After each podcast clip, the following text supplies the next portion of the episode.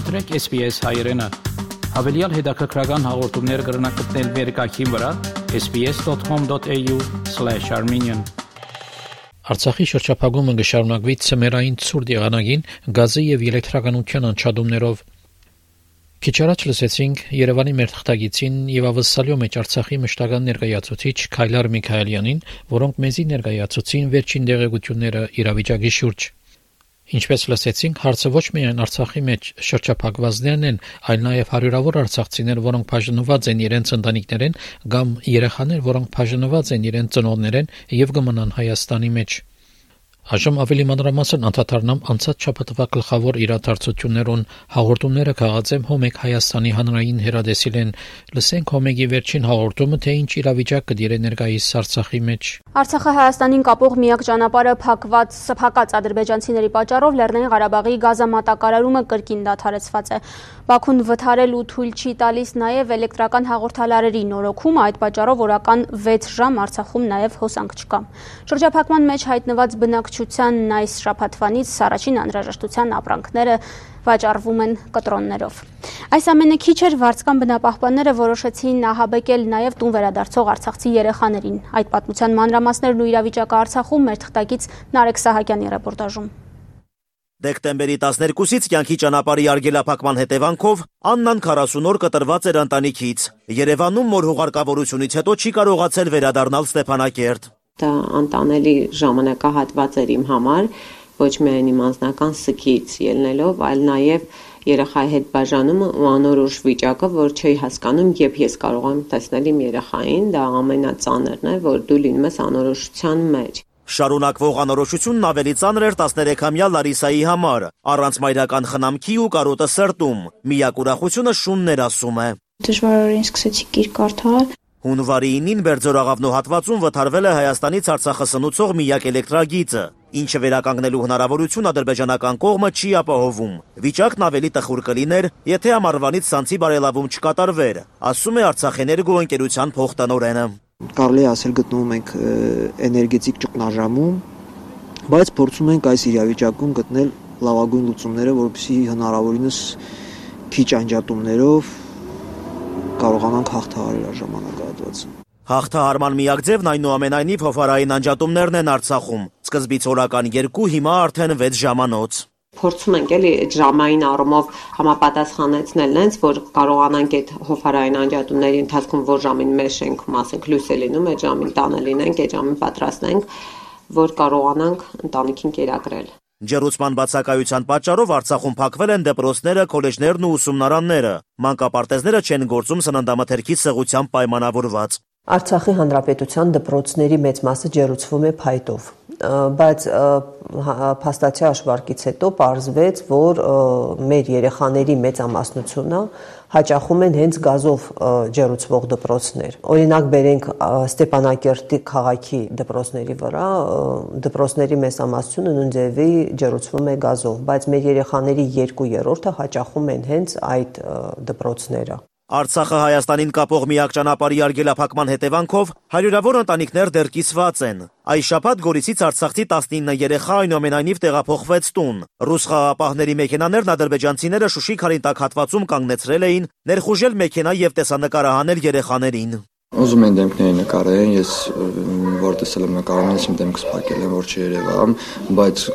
ավտոյի շուրջ բոլորը իրանք կանգնած գորգորում էին բանը խփում են ավտոմեքենայի բան, իրենց լեզվաբաններ են խոսում, չգիտեմ։ Գորգորում էին մեր վրա, հետո ռուս խաղապահը որ մոտիկացավ իրան, արդեն ասեց չի կարելի, չի կարելի, մենք արդեն վախեցանք այդտեղ, որ ռուսին չեն լսում իրանք։ Մենք վեր կանցագնացինք ավտոմեքենայի հետևում կայնեցինք բոլորովս։ Արդեն այնտեղ իր ձերքներ երևում, գլուխը մցրեց, սկսեց գորգորալ, որ ուզեցա մտնի։ Հետո երեխաներից մեկը որ գոռաց, արդեն ռուսը ձգեց նրան, դուրը փակեց միանգամից տեղում։ Ադրբեջանցիների սադրիչ գործողությունների հետևանքով աղջիկներից մեկն ուշաթափվել է։ Ծնողներից Սերինե Ամիրջանյանն ասում է, ցավոք տեղի ունեցավ այն, ինչ սպասում էին։ Երեխաները իրենցից ոչ մի վտանգ չէին ներկայացնում նրանց համար, նամանավանդ իրան գիտեին, տեղյակ են, որ երեխաները գալիս են, անցնում են ու ինչ պետք է անչափահաս երեխեք իրենց ներկայացնեն, դրանով մենակ նրանք իրենց իրական դեպքն են ցույց տվել։ Ադրբեջանական շրջափակման պայմաններում արցախցիները պարենը ձեռք են բերում կտրոնով սահմանված քանակությամբ։ Ամսվա կտրվածքով մեկ շնչին հասնում է 1 լիտր ձեթ, 1 կիլոգրամ շաքարավազ, հնդկաձավար, մակարոն ու բրինձ։ Դեղորայքի եւ անհրաժեշտ պարագաների սղության պատճառով Արցախի բուժհաստատություններում պլանային վիրահատություններ չեն իրականացվում։ Ծայրահեղ ծանր դեպքերում հիվանդերին տեղափոխում է Կարմիր խաչի միջազգային կոմիտեն, որի միջնորդությամբ եւ ուղեկցությամբ այս ընթացքում Արցախից Հայաստան է տեղափոխվել 42 հիվանդ։ Նարեկ Սահակյան, Մերուժան Հայրապետյան, Տիգրան Սարգսյան, Կիրակ Նորյալուրեր, Արցախ։ Ադրբեջան չի կողաներ միայն Արցախի թեմ արձակումներով, ունի նաև այլ ծրագիրներ Հայաստանի թեմ։ Այժմ Գեղձ եւ Շինձու պատմություններով գործե հայկական հողեր Ադրբեջանի վերակրել։ Լսենք այս հարցով Հոմեգի հաղորդումը։ Հիշեցնեմ, որ Հայաստանի հոմենք հանրային հերադեսելի հաղորդումները գրնակ դիտել SPS-ի նոր World Watch հերադեսելի 35-րդ ալիքեն բացի երկուշաբթի օրերեն ամեն օր գեսորը յետ ժամը 3-ին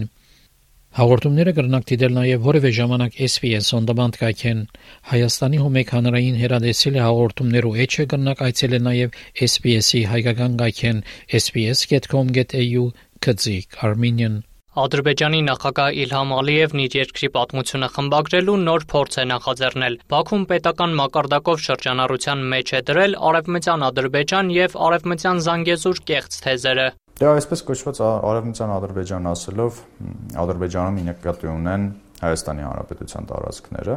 Արևմտյան Ադրբեջան թեզի տարածումն ապահովելու նպատակով Իլհամ Ալիևը հանդիպել է դրա այսպես կոչված ներկայացուցիչների հետ։ Իր ելույթում նա նշել է, թե իբր Ադրբեջանը ժամանակին մասնատվել է, առանձին շրջաններ էլ նվիրվել են Հայաստանին, ինչի համար մեղավոր են խորհրդային միության ղեկավարները։ Դա եւս մեկ հանցագործություն էր մեր ժողովրդի նկատմամբ։ Նպատակը པարզ էր նախ եւ առաջ հայ ազգայնականները կարևոր պաշտոններ էին զբաղեցնում խորհրդային կառավարությունում։ Մյուս կողմից դա քայլ էր ուղված Նախիջևանը եւ Թուրքիան Ադրբեջանից աշխարհագրորեն անջատելուն։ Այսպես կոչված Արևմտյան Ադրբեջան եւ Արևմտյան Զանգեզուր հասկացությունները ադրբեջանական կողմը նոր չի շրջանառում, նշում է Ադրբեջանի հարցերի փորձագետ Տարոն Հովանեսյանը։ Դրանց մասին Ալիևը բազմաթիվ հրապարակային ելույթներ է ունեցել։ Այժմ սակայն Բաքուն փորձում է առավել համակարգային եւ ինստիտուցիոնալ դարձնել այդ նարատիվների տարածումը։ Այսպես կոչված Արևմտյան Ադրբեջանի համայնքի ներկայացուցիչների հետ հանդիպմանն Ալիևը հատուկ հանձնարարական է տվել։ Գործնական քայլեր ձեռնարկել առավել տեսան անվտանելի դառնալու համար ինչպես երկրի ներսում, այնպես էլ միջազգային հարթակներում։ Իրենք այս кейսերը նախապատրաստած ունեցել են Հա, եւ այդ այսպես կոչված համայնքը ինքը միշտ գոյություն է ունեցել։ Այլ անվամբ, բայց իրականում էլի նույն քարոշչությամբ նույն բաներով է զբաղվել։ Ֆինանսավորում ստացել է ավելի քիչ, որովհետեւ այդ պայն առաջնահերթությունը Արցախն էր Ադրբեջանի համար։ Եվ հիմա իրենք այսպես հերթով նոր քայլեր են առաջ բերում, որոնք ժամանակին նախապատրաստած ունեցել են։ Բաքվի կողմից տարբեր ժամանակներում քարոզչական դաշտ նետված թեզերն ուսումնասիրած ադրբեջանագետի կարծիքով որոշ ժամանակ անց այսպես կոչված արևմտյան Ադրբեջանի համայնքի ներկայացուցիչները կսկսեն Հայաստանի դեմ հայցեր ներկայացնել միջազգային դատարաններում, նյութական փոխհատուցում պահանջելով։ Հայաստանի նկատմամբ ճնշում կլինի նաև այլ հարթակներում։ Կազմակերպելու են միջազգային անվամբ ինչ որ կոնֆերանսներ, համաժողովներ փորձելու են բերել ինչ որ ճակերտավոր միջազգային գիտնականների գրքեր գրել, նոր նոր աշխատություններ, այդ թվում փորձելու են դա անել հենց այսպես ինչ որ գնված միջազգային հեղինակների անուններով, որտեղ փորձելու են ապացուցել, որ Հայաստանի տարածքը ադրբեջանական ճակերտավոր պատմական հող է։ Տարոն Հովանեսյանի խոսքով Ադրբեջանի նախագահն իր գործողություններով հստակ նպատակ ունի հակամարտությունը տեղափոխել Հայաստանի Հանրապետության տարածք, ինչը Ադրբեջանը նոր չի սկսել։ 20 թվականի պատերազմի պայմանական այսպես դաթարին ավարտին զուգահեռ Ադրբեջանը իր այդ նախապատրաստած թեզերը սկսեց առաջ տանել Հայաստանի Հանրապետության տարածքների զավթում, այսպես կոչված Զանգեզուրի միջանցք, դեմարկացիայի դելիմիտացիայի խնդրում կեղծ քարտեզների ներկայացում եւ սրան զուգահեռ տարբեր քայլեր են իրականացնում, որոնք գալիս են ամրապնդելու իրենց այդ հարցակողական քաղաքականության հերթական փուլը։ Ադրբեջանի նախագահ Իլհամ Ալիևի հնչեցրած մտքերին անդրադարձել է Հայաստանի արտաքին քաղաքական գերատեսչությունը։ Արտգործնախարարությունն ընդգծել է Ալիևի ելույթը եւս մեկ անգամ վկայում է, որ Ադրբեջանի ղեկավարությունը որևէ կերպ շահագրգիռ չէ Հարավային Կովկասում խաղաղության եւ կայունության հաստատմամբ։ Վերջինս ոչ միայն բացահայտորեն ընդունում է ուժի կիրառման միջոցով Հայաստանի ինքնիշխան տարածքի օկուպացիայի փաստը, այլև Հայաստանի Հանրապետության նկատմամբ հնչեցնում է նոր տարածքային պահանջներ եւ ուժի կիրառման սպառնալիքներ։ Բացահայտ արհամարանք ցուցաբերում թե միջազգային իրավունքի եւ թե միջազգային գործընկերների նկատմամբ։ Եվս մեկ անգամ ընդգծելով տարածաշրջանում խաղաղություն եւ կայունություն կառուցելու հայկական կողմի հաստատակամությունը միջազգային շահագրգիռ գործընկերներին կոչ են կանում հասցեական հայտարարությունների եւ թիրախային գործողությունների միջոցով պարտավոր հրապարակեցնել Ադրբեջանին, դադարեցնել ռազմատենչ եւ առավելապաշտական հռետորաբանությունը, իրագործել իր իսկ կողմից ստանձնած պարտավորությունները, դուրս բերել ադրբեջանական զորքերը Հայաստանի ինքնիշխան տարածքից եւ վերականգնել Լաչինի միջանցքի բնական ոնգորցնեությունը։ Հատկանշական է, որ Ադրբեջանի ղեկավարության հավակնությունները միայն Հայաստանով չեն սահմանափակվում։ Արևմտյան Ադրբեջան ասելով Բաքվում նկատի ունեն նաև Արևմտյան Հայաստանի որոշ տարածքներ, որոնք այժմ գտնվում են Թուրքիայի տարածքում։ Ադրբեջանական քարոզչամեքենան տարածքային նկարտումներ ունի նաև Իրանի եւ Վրաստանի նկատմամբ։ Իլհամ Ալիևի վարչակազմը սակայն այս մասին դեռ չի բարձրաձայնում։ Նորայդ Շողիկյան, Իրինա Մկրտչյան, Ջիրայր Հապետյան, Կիրակ Նորյալ ուրեր։ Ադրբեջանն ուրիշ միջոցներ եւս կկործադրի Հայաստանի վրա ճնշում փանեցնելու համար։ Չնայած որ Ադրբեջան շատ քաղաքներու եւ Նախիջևանի մեջ հայերու զանգվածային չարթերը կործադրած է եւ բռնակախտած հայերու իրերը յուրացուցած, Հայաստանը կմեղադրե իբր ադրբեջանցիներու բռնակախտին համար։ Իսկ Հայաստանի մեջ հadoop խումբ կազմված է, որ գուցուցակագրե Ադրբեջանեն բռնակախտած հայերու թիվը եւ անոնց կրած նյութական վնասը։ Լսենք կրգին հոմեգի հաղորդում այս հարցով 1988 հոգոստոսի 6-ին ստեյմիլ էր հենց բաղդից եմ եկել։ Ջարդերը դեռ Բաքու չէին հասել, բայց Սունգայիթի ջարդերի լուրը տարածվում էր։ Աշխատում ենք մեզ համար, и вдруг տես բան этот փետրվարի 26-ից սկսած Սունգայիթում ջարդապշուր սկսավ այդ մոմենտը մենք ուժը ես մտածեցի պիտի դուրս գամ նրա համար որ 3 երեխաներ է երկու դպրոցականն մեկը մագապարտեզի երեխա է ասի քանի որ երեխոց երեխոքուց գլուխը իրաց վրեն է իմ գլուխս էլ է վրեն լավն է հիմի գվանից փոկվեմ ստեյց Սա 89-ի վերջին խորթային մարտահամարի արդյունքներն են իրականացված Հայաստանի Հանրապետությունում։ Եթե մեզ Ադրբեջանն կոնկրետ պահին հետաքրքրում 70 թվին հայերի թիվը այնտեղ եղել է 483520, իսկ 89-ի մարտահամարով 390505։ 70 թվին Ադրբեջանի բնակչության 13.6%-ը հայերն են եղել։ 79-ին 11.5%-ը իսկ արդեն 89-ին 8.4%-ը։ Դեռ 88-ից Ռազմիկ Ասրյանի ընտանիքի նման շատերը Սումգայիթի ջարդերն աչքի առաջ ունենալով շտապեցին դուրս գալ Բաքվից ու ադրբեջանական մյուս քաղաքներից։ Տարբեր տվյալներով նշվում է մինչև 500.000 ներառյալ նախկին լղիմի բնակչությունը, եթե նախկին լղիմի բնակչությունը հանում ենք այդտեղից, ապա լղիմից դուրս հայկական բնակչությունը շուրջ 380-90 հազար էր մոտավորապես, որոնց մեծագույն մասը բնակվում էր Բաքվում եւ Բաքվի շրջակայքում։ Շուրջ 200 հազար։ Մոտավորապես 18-ից 20 հազար եղել է Սումգայիթում, 45 հազար հայ բնակվել է Գանձակում, Կիրովաբադում եւ տարբեր այլ վայրերում։ Նույն տարիներին Հայաստանում ապրող ադրբեջանցիները մոտ 3 անգամ ավելի քիչ էին։ 160841 քաղաքներում 16819-ն են ապրել։ Իսկ գյուղերում 144000 Ադրբեջանի մայրաքաղաքում երեքսենյականոց տունը Սայաթնովա գյուղի փոքրիկ ու կիսավեր երկսենյականոց տան հետ փոխանակելու համար Ասրյանը ադրբեջանցուն դեռ 4000 ռուբլի էլ փող է տվել, որ համաձայնի։ Ատե իրել էսերկու սենակը էսերկու սենակը մինա գաջա ծայլը բոլորս փթած Դե որ եկել եմ տեսել իրանց տները, հա, ես ոնց է ստենց ապրել, առանց հարմարություն, առանց բաղնիք։ Մի հատ տուն չի եղել, որ մի բաղնիք լինի։ Ռազմիկ Ասրյանի կինը համարում է, որ իրենց բախտը դեռ բերել է։ Կարողացել են ամբողջ ընտանիքի կյանքը փրկել ու թեկուս կիսականդ, բայց տունել են գտել։ Մեզ այնց հետո շատ վատ էր։ Դե դեմբերը ջարդերը, սաղ մարդիկ ով гонацков, поездов, очень многие тогда пострадали. Օրինակ ռազմիկի քույրերը, եղբայրները դեկտեմբերին են եկել, Ադրբեջանում թողնելով տուն տեղն ու ամբողջ ունեցվածքը։ Բռնագաղթեցմանը զուգահեռ ջարդեր են կազմակերպվել եւ իրականացվել հայերի, որոնց մասին բոլորը շատ քաշ գիտեն այդ թվում Սումգայիթի ջարդերը 88 թվականի փետրվարին, նույն Գանձակում պաշարված է եղել փաստացի հայկական թաղամասը եւ Բաքվում 88 թվականից մինչեւ 90 թվականի հունվարը ներառյալ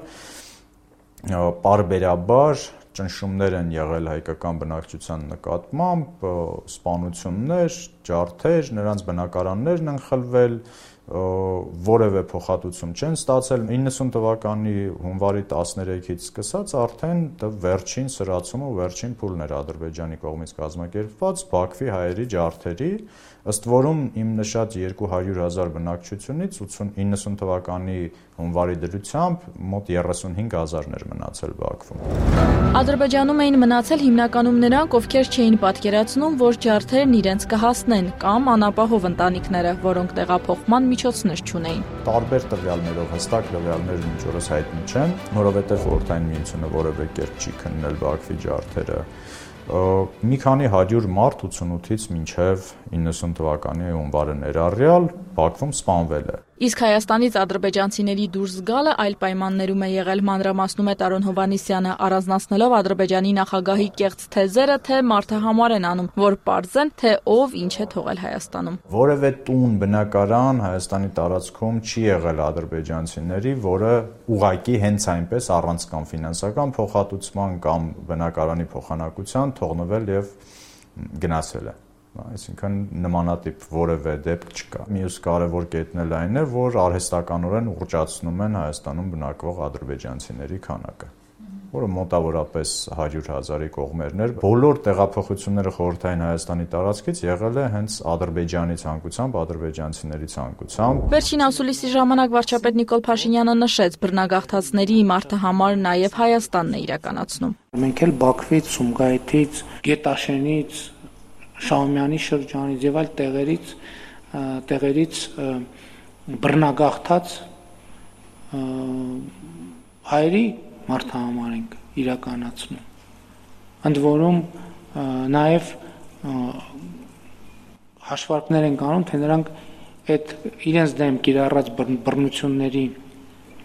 հետևանքով ինչքան նյութական վնաս են կրել։ Կառավարությունից լուրերին տեղեկացրին հաշվառման համար խումբ է ձևավորվել, աշխատանքները դեռ ընթանում են եւ այս պահին այլ մանրամասներ չեն կարող հայտնել։ 2022 թվականի հոկտեմբերին իրականացված մարդահամարի հարցաշարում նմանատիպ կետ ներառված էր։ Մանրամասնում են վիճակագրական կոմիտեի մարդահամարի եւ ժողովրդագրության բաժնի պետ Կարինե Կույումջյանը։ Մենք հարցրել ենք նաեւ տարեթիվը եւ ամիսը որից սկսած անընդմեջ բնակվում է տվյալ բնակավայրում։ Բնակության վայրը փոխելու հիմնական պատճառը ո՞րն է եղել։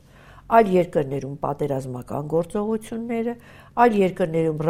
ռասայական ազգային կրոնական պատկանելիությունը։ Մարդահամարի տվյալները դեռ մշակման փուլում են։ Դրանց ամփոփումից հետո པարզ կլինի, թե Բաքվի Սումգայիթի ջարդերից ավելի քան 30 տարի հետո քանի տուժած է շարունակում Հայաստանում ապրել, սակայն շատերը հեռացել են եւ բռնագաղթածների մարդահամարի նպատակը Ադրբեջանից տեղահանվածների ընդհանուր թիվը ողջելն է։ Մոտավոր հաշվարկով խոսքը 380 հազար մարդու մասին է։ 2001-ի մարդահամարի ժամանակ նրանց կեսից ավելին արդեն Հայաստանում չէր։ 115689 եկել են Ադրբեջանից։ Դա 2001-ի ցուցանիշներ։ 2011 թվականին այդ տվյալը ուրեմն Ադրբեջանից եկածների 64147 է։ Փաստորեն բավական մեծ նվազում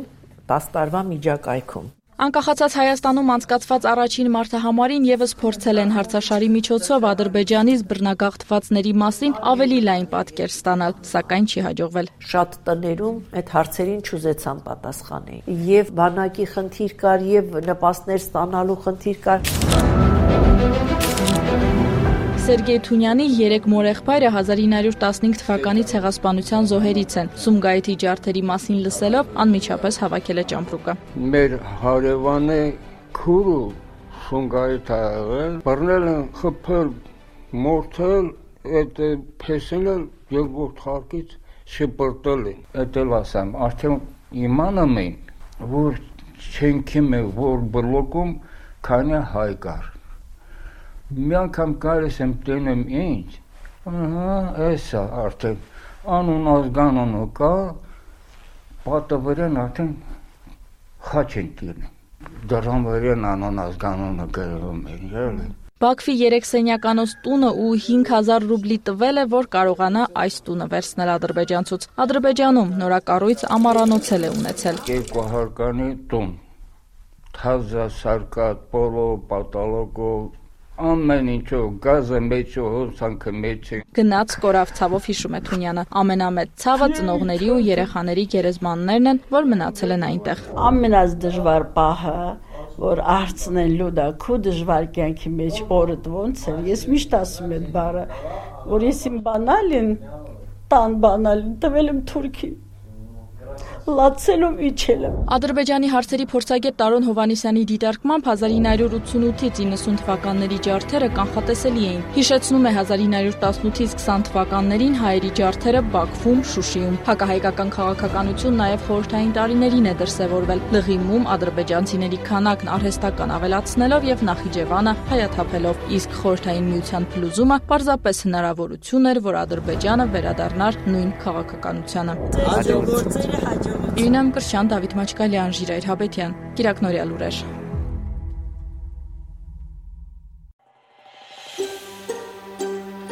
Կուզես լսել նման բանություններ, կընտրե Apple Podcast-ի, Google Podcast-ի, Spotify-ի վրա, կամ որտեղեն որ podcast-ը դուք լսես։